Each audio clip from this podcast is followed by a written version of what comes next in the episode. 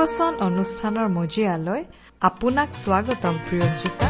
আজিৰে পবিত্ৰ ক্ষণতে উজলি উঠা খ্ৰীষ্টৰ জ্যোতি। ভক্তিবচন অনুষ্ঠানত আপোনাক পুনৰ লগ পাই আমি নথৈ আনন্দিত। আশা কৰোঁ এই অনুষ্ঠানত প্ৰচাৰ হোৱা বাক্যসমূহে আপোনাৰ ব্যক্তিগত জীৱনত অলপ হলেও সহায় কৰিছে। ঈশ্বৰ এগৰাকী সৰ্বশক্তিশালী ব্যক্তি। পৃথিৱীৰ সকলো বিষয়ে তেওঁৰ শক্তিৰ অধীনত। তেওঁ পৃথিৱী আকাশমণ্ডল আৰু সৌৰজগতৰ সকলোকে নিজৰ ইচ্ছাৰে আৰু পৰাক্ৰমেৰে শৃংখলাবদ্ধভাৱে স্থিৰ কৰি থৈছে। তেওঁ প্ৰতিটো বিষয়কে একো একোটা নিয়মৰ অৰ্থাৎ নিজ নিজ সীমাৰ অন্তৰ্ভুক্ত কৰি ৰাখিছে।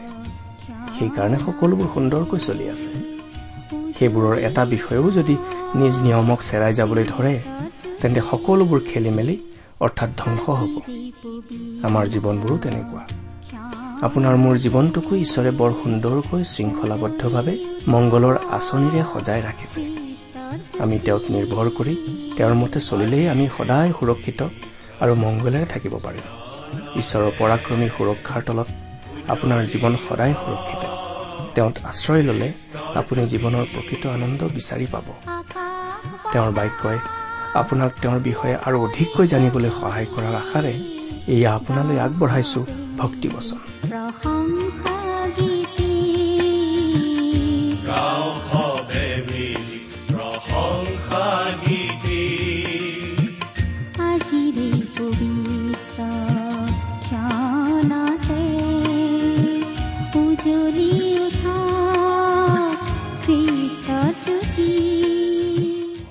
আমাৰ মহান ত্ৰাণকৰ্তা প্ৰভু যীশুখ্ৰীষ্টৰ নামত নমস্কাৰ প্ৰিয় শ্ৰোতা। আশা কৰো আপুনি ভালে কুশলে আছে। লগতে এই বুলিও আশা কৰিছো যে আপুনি আমাৰ এই ভক্তিবচন অনুষ্ঠানটো নিয়মিতভাৱে শুনি আছে। এই অনুষ্ঠান শুনি আপুনি কেনে পাইছে বাৰু? অনুগ্ৰহ কৰি আমালৈ চিঠি লিখি জনাবচোন। আপোনালোকৰ পৰা চিঠি পত্ৰ পাবলৈ আমি আশাৰে বাট চাই থাকো। আৰু সেইবাবেই আমালৈ চিঠি লিখিবলৈ আমি সদায়েই অনুৰোধ জনাওঁ। অনুগ্ৰহ কৰি আজিয়েই দুখাৰিমান লিখি পঠিয়াবচোন। আহকচোন আজিৰ বাইবেল অধ্যয়ন আৰম্ভ কৰাৰ আগতে খন্তেক প্ৰাৰ্থনাত মূৰ দুৱাওঁ আমি প্ৰাৰ্থনা কৰো। হে আমাৰ স্বৰ্গত থকা মহান পিতৃ ঈশ্বৰ প্ৰথমতেই তোমাক ধন্যবাদ দিওঁ কাৰণ তুমি আমাক আকৌ এটা নতুন দিন দেখিবলৈ দিলা আৰু তোমাৰ বাক্য অধ্যয়ন কৰিবলৈ আমাক আকৌ এটা সুযোগ দিলা। প্ৰভু তোমাৰ বাক্যৰ নিগৃঢ় তত্ব বুজাই দিয়াৰ ক্ষমতা আমাৰ নাই সেই সামৰ্থ্যও আমাৰ নাই। তুমিয়েই আমাক বুজাই দিয়া। আমাৰ প্ৰয়োজন অনুসাৰে তুমিয়েই আমাৰ প্ৰত্যেককে বুজাই দিয়া। আমাৰ মৰমৰ শ্ৰোতাসকলক তোমাৰ মাত শুনিবলৈ দিয়া। তেওঁলোকৰ জীৱনত তোমাৰ অনুগ্ৰহৰ আশীৰ্বাদ প্ৰকাশ পাই উঠিবলৈ দিয়া। এই অনুষ্ঠানৰ আৰম্ভণিৰ পৰা শেষলৈকে তুমি আমাক পৰিচালিত কৰা। কিয়নো এই প্ৰাৰ্থনা আমাৰ পাপৰ প্ৰায়চিত্ৰ কৰিবলৈ ক্ৰুচত প্ৰাণ দি তৃতীয় দিনা পুনৰ জি উঠি এতিয়া স্বৰ্গত আমাৰ বাবে নিবেদন কৰি থকা ত্ৰাণকৰ্তা প্ৰভু যীশুখ্ৰীষ্টৰ নামত আগবঢ়াইছো।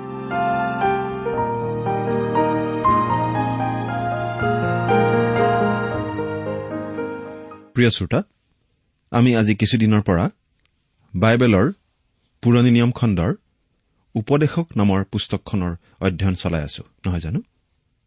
আপুনি আমাৰ যোৱা অনুষ্ঠানটো শুনিছিল নে বাৰু? আমি বাৰু কি আলোচনা কৰিছিলো আপোনাৰ অলপ মনত আছেনে? যোৱা অনুষ্ঠানত আমি এই উপদেশক পুস্তকখনৰ ছয় নম্বৰ অধ্যায়লৈকে আমাৰ আলোচনা আগবঢ়াইছিলো। আৰু তেতিয়ালৈকে আমি এই কথা জানিছো যে চলোমনে হৃদয়ক শান্তি আৰু আনন্দেৰে সন্তুষ্ট কৰিবলৈ সকলোকে পৰীক্ষা কৰি চালে আৰু চেষ্টা কৰিলে যে সূৰ্যৰ তলত মানুহে কি কৰিব পৰা উপায়েৰে হৃদয়ক সন্তুষ্ট কৰিব পাৰে। ৰজা চলোমেনে কি কি বিষয় ইতিমধ্যে পৰীক্ষা কৰিলে তাক আমি পুনৰ দোহাৰিছো শুনিবচোন। তেওঁ প্ৰথমতে বিজ্ঞানৰ দ্বাৰা শান্তি পাব বিচাৰিছিল। তাৰ পাছত বিশ্বব্ৰহ্মাণ্ডৰ প্ৰাকৃতিক নিয়মবোৰ গৱেষণা কৰিছিল। এইবিলাকৰ যোগেদি তেওঁ বহুতো ভাল ভাল জ্ঞান পাইছিল কিন্তু হৃদয়ক হলে সন্তুষ্ট কৰিব পৰা নাছিল। সেইকাৰণে তেওঁ দৰ্শন আৰু মনোবিজ্ঞান অধ্যয়ন কৰিবলৈ লৈছিল। কিন্তু নাই তাতো তেওঁ সন্তুষ্ট হোৱা নাছিল। তাৰ পাছত তেওঁ মানুহে কৰিব পৰা বা ভাবিব পৰা সকলো আমোদ প্ৰমোদ আৰু লাহ বিলাহৰ যোগেদি শান্তি পাবলৈ চেষ্টা কৰিছিল। কিন্তু সেইবোৰো তেওঁ অসাৰ বুলি বুজি পাইছিল। সকলো তেওঁ অসাৰ দেখিছিল। তাৰ পাছত তেওঁ নিজে কৰা মহৎ মহৎ কাৰ্য চাই সন্তুষ্ট হবলৈ চেষ্টা কৰিছিল।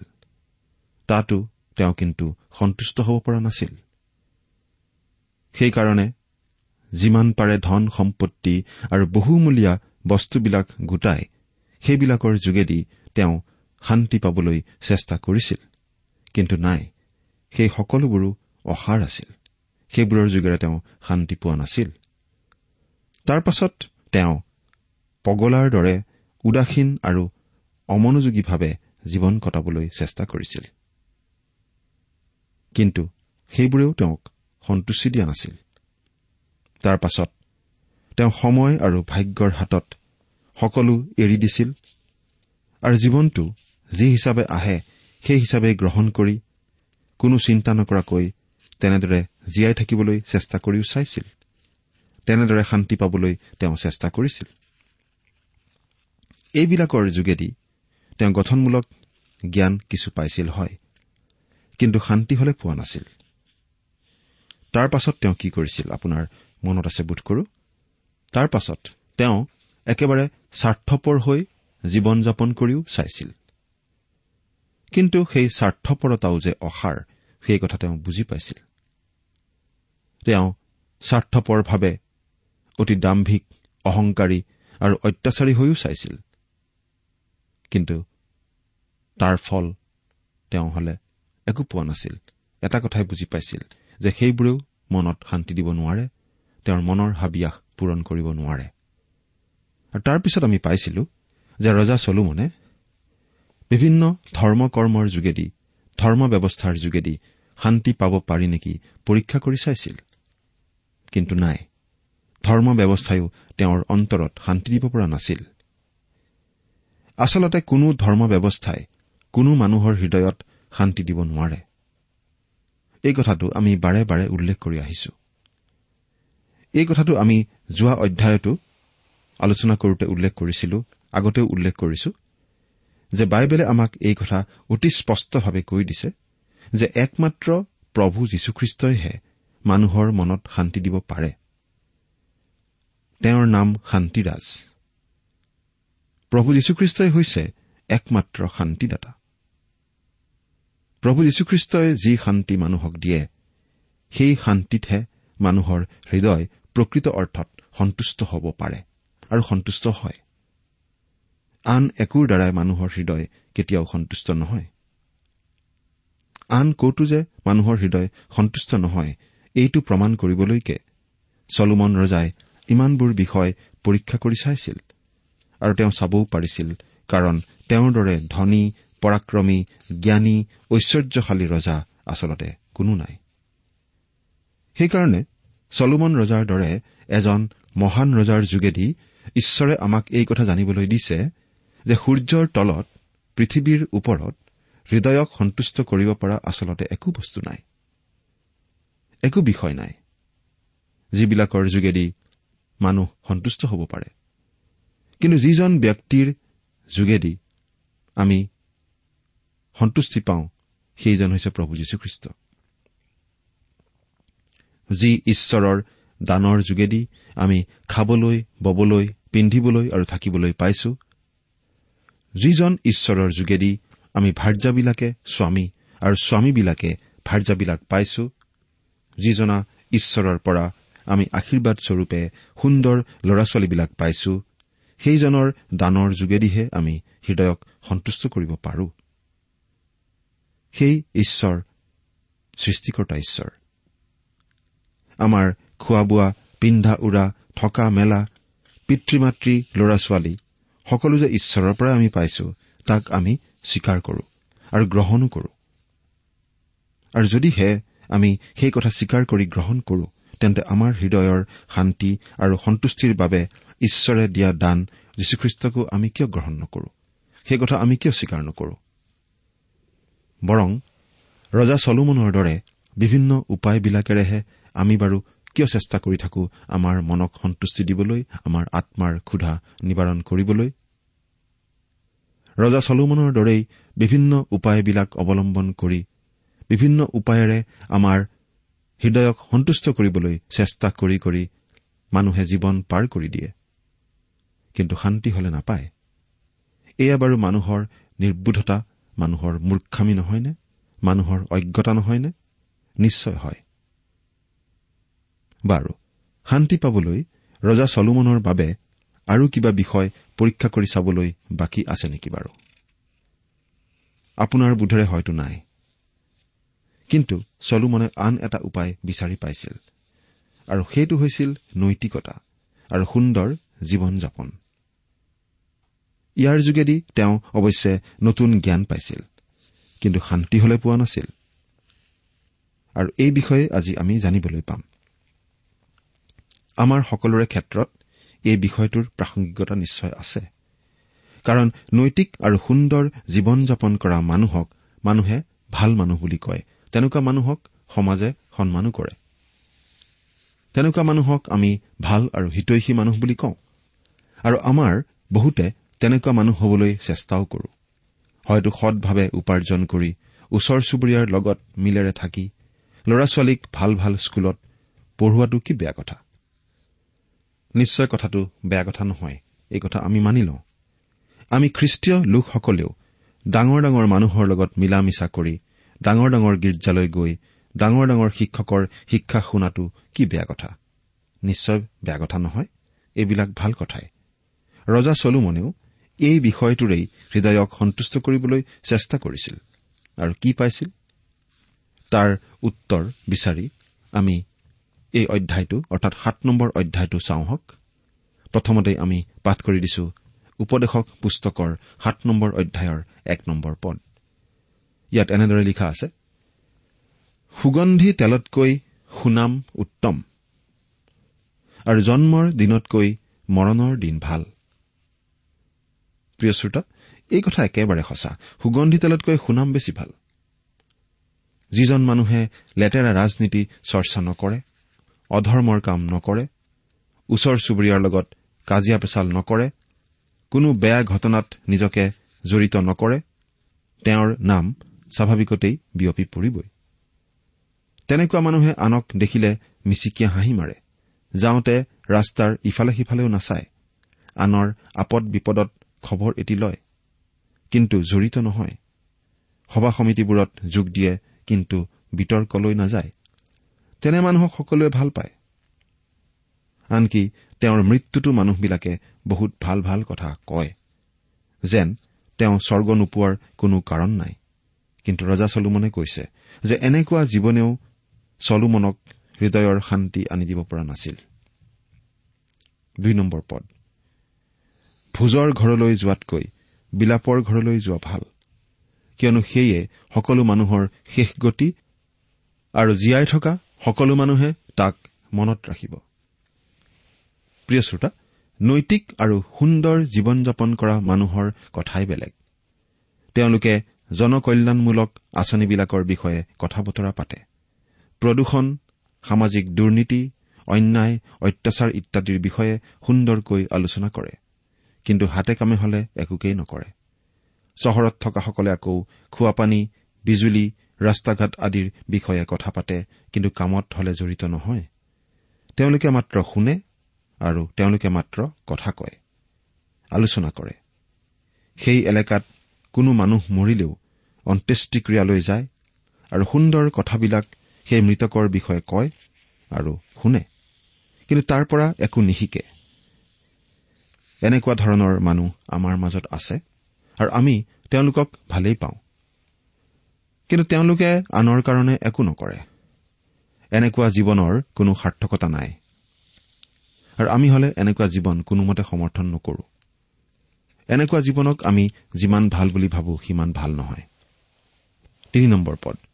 হাঁহিতকৈ সুখ ভাল কাৰণ মুখৰ বিৱৰণৰ দ্বাৰাই মনক আনন্দিত কৰা হয়। সুখৰ পৰা আঁতৰি থাকিবলৈ মানুহে যিকোনো কামকেই কৰে নহয়নে বাৰু? গোটেই জীৱনটো যাতে সুখ কৰাৰ সলনি হাঁহি থাকিব পাৰি তাৰ বাবে পাৰে মানে ব্যৱস্থাও কৰে। কিন্তু তথাপিতো আমি কোনেও মৃত্যুৰ পৰা আঁতৰি থাকিব নোৱাৰো। অৱশ্যে আমি জীয়া মানুহবিলাকে মৃতকৰ শৰীৰটো নতুন কাপোৰ ফুল সুগন্ধি মধুৰ সংগীত ইত্যাদিৰে আৱৰণ দি আমাৰ নিজৰ মৃত্যুৰ কথাটো পাহৰিবলৈ চেষ্টা কৰোঁ। পালকেও মৃতকৰ বিষয়ে সুন্দৰ সুন্দৰ কথা কয় আৰু মৈদাম দিয়াৰ পাছতে আমিও মৃত্যুৰ কথা পাহৰি যাওঁ। এয়াই হ'ল আমাৰ জীৱন। চাৰি নম্বৰ পদটো পাঠ কৰি দিছো। জ্ঞানীবিলাকৰ মন বিলাপৰ ঘৰত থাকে কিন্তু অজ্ঞানবিলাকৰ মন আমোদৰ ঘৰত থাকে। এই কথাটোৰ দ্বাৰা আমি এটা কথা চাব লাগে যে আমি যিবিলাক মানুহ আছো।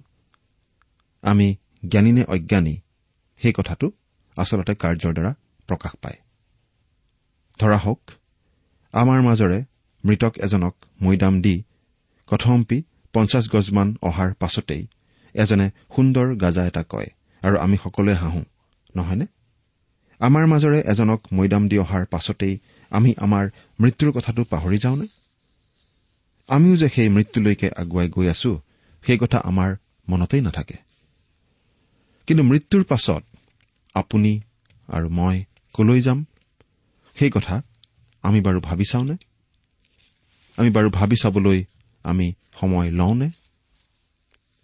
জীয়াই থাকোতে যদি ঈশ্বৰৰ লগত আপোনাৰ জীৱনৰ সম্বন্ধ ঘটা নাই তেন্তে আপুনি জানিব যে আপোনাৰ মৃত্যু আচলতে আপোনাৰ বাবে এটা শোকাবহ ঘটনা।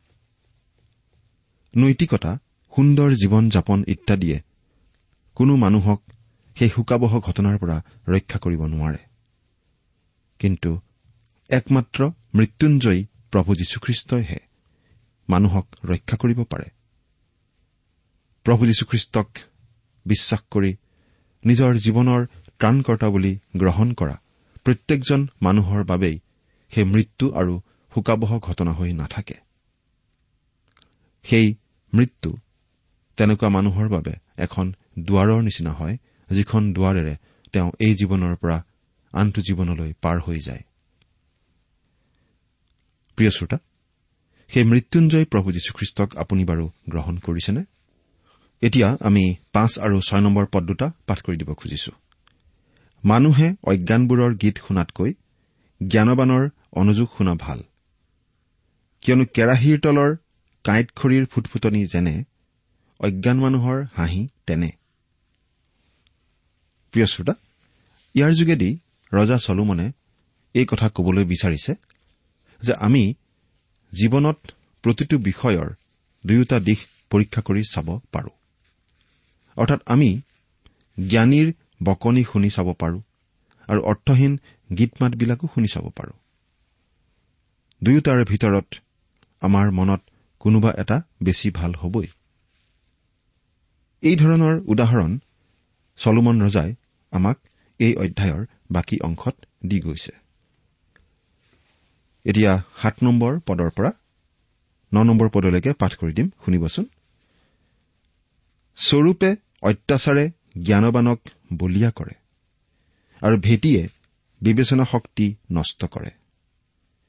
কাৰ্যৰ আৰম্ভণতকৈ তাৰ শেষ ভাল।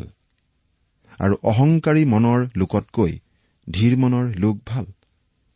তোমাৰ মনক হঠাতে খং উঠিবলৈ নিদিবা। কিয়নো অজ্ঞানবোৰৰ বুকুৱেই খঙৰ আশ্ৰয়। প্ৰিয় শ্ৰোতা সুন্দৰ জীৱন যাপন কৰা মানুহবিলাক কেনেকুৱা? তেওঁলোকে কোনো কথাত খং নকৰে আনৰ লগত মিলেৰে থাকে সকলো কথা সহজভাৱে লয় আৰু নৰম সুৰত কথা কয়। তেওঁলোক কেতিয়াও উগ্ৰ নহয় যিকোনো কথাতে আপোচ কৰে। ভাল মানুহৰ লগতো মিলে বেয়া মানুহৰ লগতো মিলে। দেওবাৰে ভালদৰে সাজি কাচি গীৰ্জালৈ যায় আৰু শনিবাৰে ৰাতি হয়তো মিলা প্ৰীতিৰে ক্লাবত লগ সংগৰ লগত মদ পানীও খায়। এনেকুৱা ধৰণৰ জীৱনক আপুনি কি বুলি ক'ব? এনে জীৱনৰ কোনো সাৰ্থকতা আছে বুলি আপুনি ভাবিলেও আমি হলে নাভাবো। এতিয়া দহ আৰু এঘাৰ নম্বৰ পদ দুটা পাঠ কৰি দিব খুজিছো। বৰ্তমান কালতকৈ আগৰ কাল কিয় ভাল আছিল? এনে কথা নকবা। কিয়নো এই বিষয়ে তুমি এনে প্ৰশ্ন কৰা জ্ঞানমূলক নহয়। পৈতৃক ধন সম্পত্তি যিমান ভাল প্ৰজ্ঞাও সিমান ভাল। এনেকি সূৰ্যক দেখোতাবিলাকৰ নিমিত্তে তাতকৈ প্ৰজ্ঞা বেছি উপকাৰী? প্ৰিয় শ্ৰোতা ইয়াত এই বুলি কোৱা হৈছে যে প্ৰজ্ঞা হল যীশুখ্ৰীষ্টৰ আন এটি নাম। খ্ৰীষ্টক আমাৰ কাৰণে প্ৰজ্ঞাস্বৰূপ কৰা হৈছে। নৈতিক আৰু সুন্দৰ জীৱন যাপন কৰা মানুহবিলাকে যদি যীশুখ্ৰীষ্টক জানিলেহেঁতেন তেন্তে তেওঁলোকৰ জীৱন সঁচাকৈয়ে ধন্য হলহেঁতেন। এতিয়া আমি একেবাৰে বাৰ নম্বৰ পদৰ পৰা বিশ নম্বৰ পদলৈকে পাঠ কৰি দিম। অলপ দীঘলীয়া। অনুগ্ৰহ কৰি শুনিবচোন। কিয়নো ধন যেনে ৰক্ষক প্ৰজ্ঞাও তেনে ৰক্ষক। কিন্তু জ্ঞানৰ উপকাৰ এই যে প্ৰজ্ঞাই নিজৰ গৰাকীৰ জীৱন ৰক্ষা কৰে ঈশ্বৰৰ কাৰ্য চোৱা কিয়নো তেওঁ যিহক বেকা কৰে তাক কোনে পোনাব পাৰে? সুখৰ দিনত আনন্দ কৰা আৰু দুখৰ দিনত বিবেচনা কৰা। মানুহৰ পাছত কি ঘটিব তাৰ একোকে যেন মানুহে জানিব নোৱাৰে। এই নিমিত্তে ঈশ্বৰে সেই দুয়োকো ওচৰা ওচৰি কৰি থৈছে। মই মোৰ অসাৰ জীৱনৰ দিনকেইটাত এই সকলো দেখিলো যে কোনো কোনো ধাৰ্মিক লোক নিজ নিজ ধাৰ্মিকতাত বিনষ্ট হয় আৰু কোনো কোনো দুষ্ট লোকে নিজ নিজ দুষ্টতাত দীৰ্ঘকাল নিয়ায়। অতিৰিক্ত ধাৰ্মিক নহবা আৰু নিজকে অতিৰিক্ত জ্ঞানী নেদেখুৱাবা। কিয় নিজকে নষ্ট কৰিবা? অতি দুষ্ট নহবা আৰু অজ্ঞানো নহবা। তোমাৰ কাল নৌহওঁতেই কিয় মৰিবা? তুমি ইয়াক ধৰি ৰখা ভাল। এনেকি সিটোৰ পৰাও হাত নুগুচাবা। কিয়নো ঈশ্বৰলৈ ভয় কৰোতা লোকে সেই সকলোৰে পৰা সাৰিব। নগৰত থকা দহজন পৰাক্ৰমীয়ে যি পৰিমাণে নগৰ দৃঢ় কৰে তাতকৈ প্ৰজ্ঞাই জ্ঞানবানক অধিক পৰিমাণে বলৱান কৰে। বাস্তৱিকে পাপ নকৰি সৎকৰ্ম কৰা ধাৰ্মিক মানুহ পৃথিৱীত নাই। লোকে কথা পতা আটাই কথালৈ মন নিদিবা। কিয়নো দিলে কিজানি তোমাৰ দাসে তোমাক সাও দিয়াহে শুনিবা। প্ৰিয় শ্ৰোতা ধন আমাক লাগে আৰু ধনে পাৰ্থিৱ জীৱনত কিছু সুৰক্ষা নিশ্চয় দিয়ে। এই কথা সঁচা। কিন্তু সেয়া চিৰস্থায়ী সুৰক্ষা নহয়। চিৰস্থায়ী সুৰক্ষা ধনেৰেও কিনিব নোৱাৰি আৰু আন কোনো উপায়েৰেও পাব নোৱাৰি। একমাত্ৰ ত্ৰাণকৰ্তা প্ৰভু যীশুখ্ৰীষ্টৰ যোগেদিহে আমি সুৰক্ষা পাব পাৰো। আৰু যীশুখ্ৰীষ্টৰ যোগেদি আমি যি সুৰক্ষা লাভ কৰো সেই সুৰক্ষা মৃত্যুৰ পাছতো অনন্তকাল আমাৰ লগত থাকে। এতিয়া আমি বাইশ নম্বৰ পদৰ পৰা ঊনত্ৰিশ নম্বৰ পদলৈকে পাঠ কৰি দিম। কাৰণ তুমিও যে আনবিলাকক সেইদৰে সাও দিয়া তাক তোমাৰ মনে অনেকবাৰ জানিবলৈ পাইছে। মই প্ৰজ্ঞাৰ দ্বাৰাই সেই সকলোকে পৰীক্ষা কৰি চালো। মই কলো মই জ্ঞানবান কিন্তু জ্ঞান মোৰ পৰা দূৰত আছিল। যি আছে সেয়ে অতি দূৰ আৰু অতি গভীৰ তাক কোনে পাব পাৰে? মই ঘূৰি জানিবলৈ আৰু অনুসন্ধান কৰিবলৈ প্ৰজ্ঞা আৰু কথাৰ হেতু বিচাৰ কৰিবলৈ আৰু দুষ্টতা যে অজ্ঞান আৰু মূৰ্খতা যে পাগলামী তাক জানিবলৈ মনোযোগ কৰিলো। তাতে মই মৃত্যুতকৈও এক বিষম বস্তু দেখিলো অৰ্থাৎ যি তিৰোতাৰ মন ফাণ্ড আৰু জাল হাত বান্ধস্বৰূপ। এনে তিৰোতা। যি মানুহ ঈশ্বৰৰ দৃষ্টিত উত্তম সি তাইৰ পৰা সাৰিব কিন্তু পাপী তাইৰ দ্বাৰাই ধৰা পৰিব। উপদেশকে কৈছে চোৱা মই কথাৰ কাৰণ উলিয়াবলৈ এটাৰ পাছত এটা বিচাৰ কৰি চাই তাকে পালো। মোৰ প্ৰাণে এতিয়াও যিহক বিচাৰিছে মই তাক পোৱা নাই। হাজাৰৰ মাজত এজনহে নৰ পালো কিন্তু সেই সকলোৰ মাজত এজনী নাৰী নাপালো। চোৱা মই ইয়াকেহে পালো। যে ঈশ্বৰে মানুহক সৰল কৰি স্ৰজন কৰিছিল কিন্তু অবাতে যাবৰ নিমিত্তে তেওঁলোকে নানা উপায় বিচাৰিলে। প্ৰিয় শ্ৰোতা ইয়াত কোৱা হৈছে যে আন মানুহে কোৱা যিকোনো কথা শুনি আপুনি লৰচৰ নকৰিব। নহলে মানুহে আপোনাক কথা কবলৈ ভালেই পাব। আনহাতে সকলোৰে সকলো ধৰণৰ কথা নীৰৱে শুনি সুন্দৰ জীৱন যাপন কৰাটো কোনো জীৱন নহয়। জীৱনত সত্যতা আৰু নিজস্ব ভাৱধাৰা থাকিব লাগে। সত্যক জানিও পালন নকৰা অথচ নিজে আনৰ লগত ভালে থাকিবলৈ সময়ৰ লগত সময় আৰু পৰিৱেশৰ লগত নিজকে মিলাই দিয়াটো ঈশ্বৰৰ দৃষ্টিত ভণ্ডতা। আৰু ভণ্ড অজ্ঞানতাতকৈ বেছি বেয়া কাৰণ অজ্ঞানে নুবুজে বাবে পালন নকৰে কিন্তু ভণ্ডই জানিও নজনাৰ ভাও ধৰে বুজিও নুবুজাৰ ভাও ধৰে। খ্ৰীষ্টীয় বিশ্বাসীসকলৰ ক্ষেত্ৰতো অন্তৰৰ সত্যতাক স্বীকাৰ নকৰি মানুহক দেখুৱাবলৈ গীৰ্জালৈ যোৱা দান দিয়া ইত্যাদি ভণ্ডতা আৰু অসাৰতা আছে। ঈশ্বৰৰ ওচৰত ইয়াৰ কোনো মূল্য নাই। ৰজা চলোমনে নৈতিক আৰু সুন্দৰ জীৱন যাপন কৰাৰ যোগেদি হৃদয়ক সন্তুষ্ট কৰিবলৈ চেষ্টা কৰি এই শিক্ষাই পাইছিল। আপুনি বাৰু কি শিক্ষা পালে? প্ৰভু যীশুখ্ৰীষ্টক আপোনাৰ জীৱনৰ ত্ৰাণকৰ্তা বুলি যদি গ্ৰহণ কৰিছে তেনেহলে প্ৰভু যীশুখ্ৰীষ্টই আপোনাক নিশ্চয় তেওঁৰ জ্ঞানেৰে জ্ঞানবান কৰিছে। কৰিছেনে বাৰু? চিন্তা কৰি চাওকচোন। ঈশ্বৰে আপোনাক আশীৰ্বাদ কৰক। প্ৰিয় শ্ৰোতা ইমান পৰে আপুনি বাইবেল শাস্ত্ৰৰ পৰা ঈশ্বৰৰ বাক্য শুনিলে এই বিষয়ে আপোনাৰ মতামত জানিবলৈ পালে আমি নথৈ আনন্দিত হ'ম।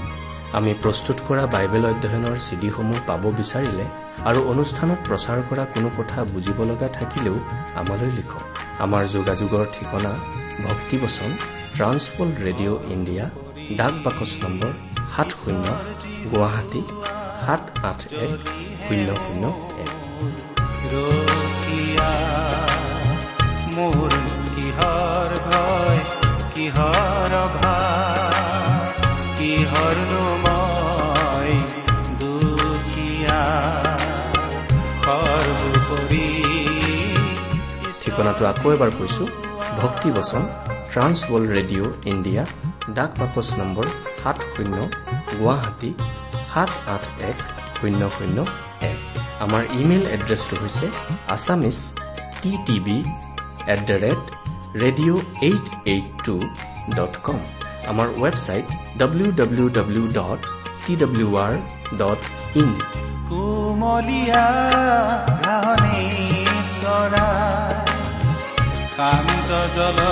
কাষে চলাই কোমলীয়া ঘাঁহনি চৰাই। কান্ত জলৰ কাষে মোক চলাই। সুস্থ কৰে মোৰ প্ৰাণ পুনৰাই। ধৰ্ম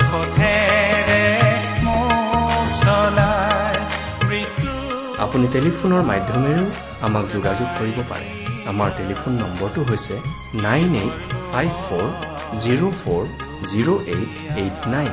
Phone নম্বৰটো আকৌ এবাৰ কৈছো ন আঠ পাঁচ চাৰি শূন্য চাৰি শূন্য আঠ আঠ ন। আপুনি এই ভক্তিবচন অনুষ্ঠানটি আমাৰ website W W W dot radio' eight eight two dot কমতো শুনিব পাৰিব। আজিৰ অনুষ্ঠানটি ইমানতে সামৰিছো। ঈশ্বৰৰ শান্তি আৰু অনুগ্ৰহ আপোনাৰ লগত থাকক। ধন্যবাদ। আপদলৈ মই নকৰো ভয়।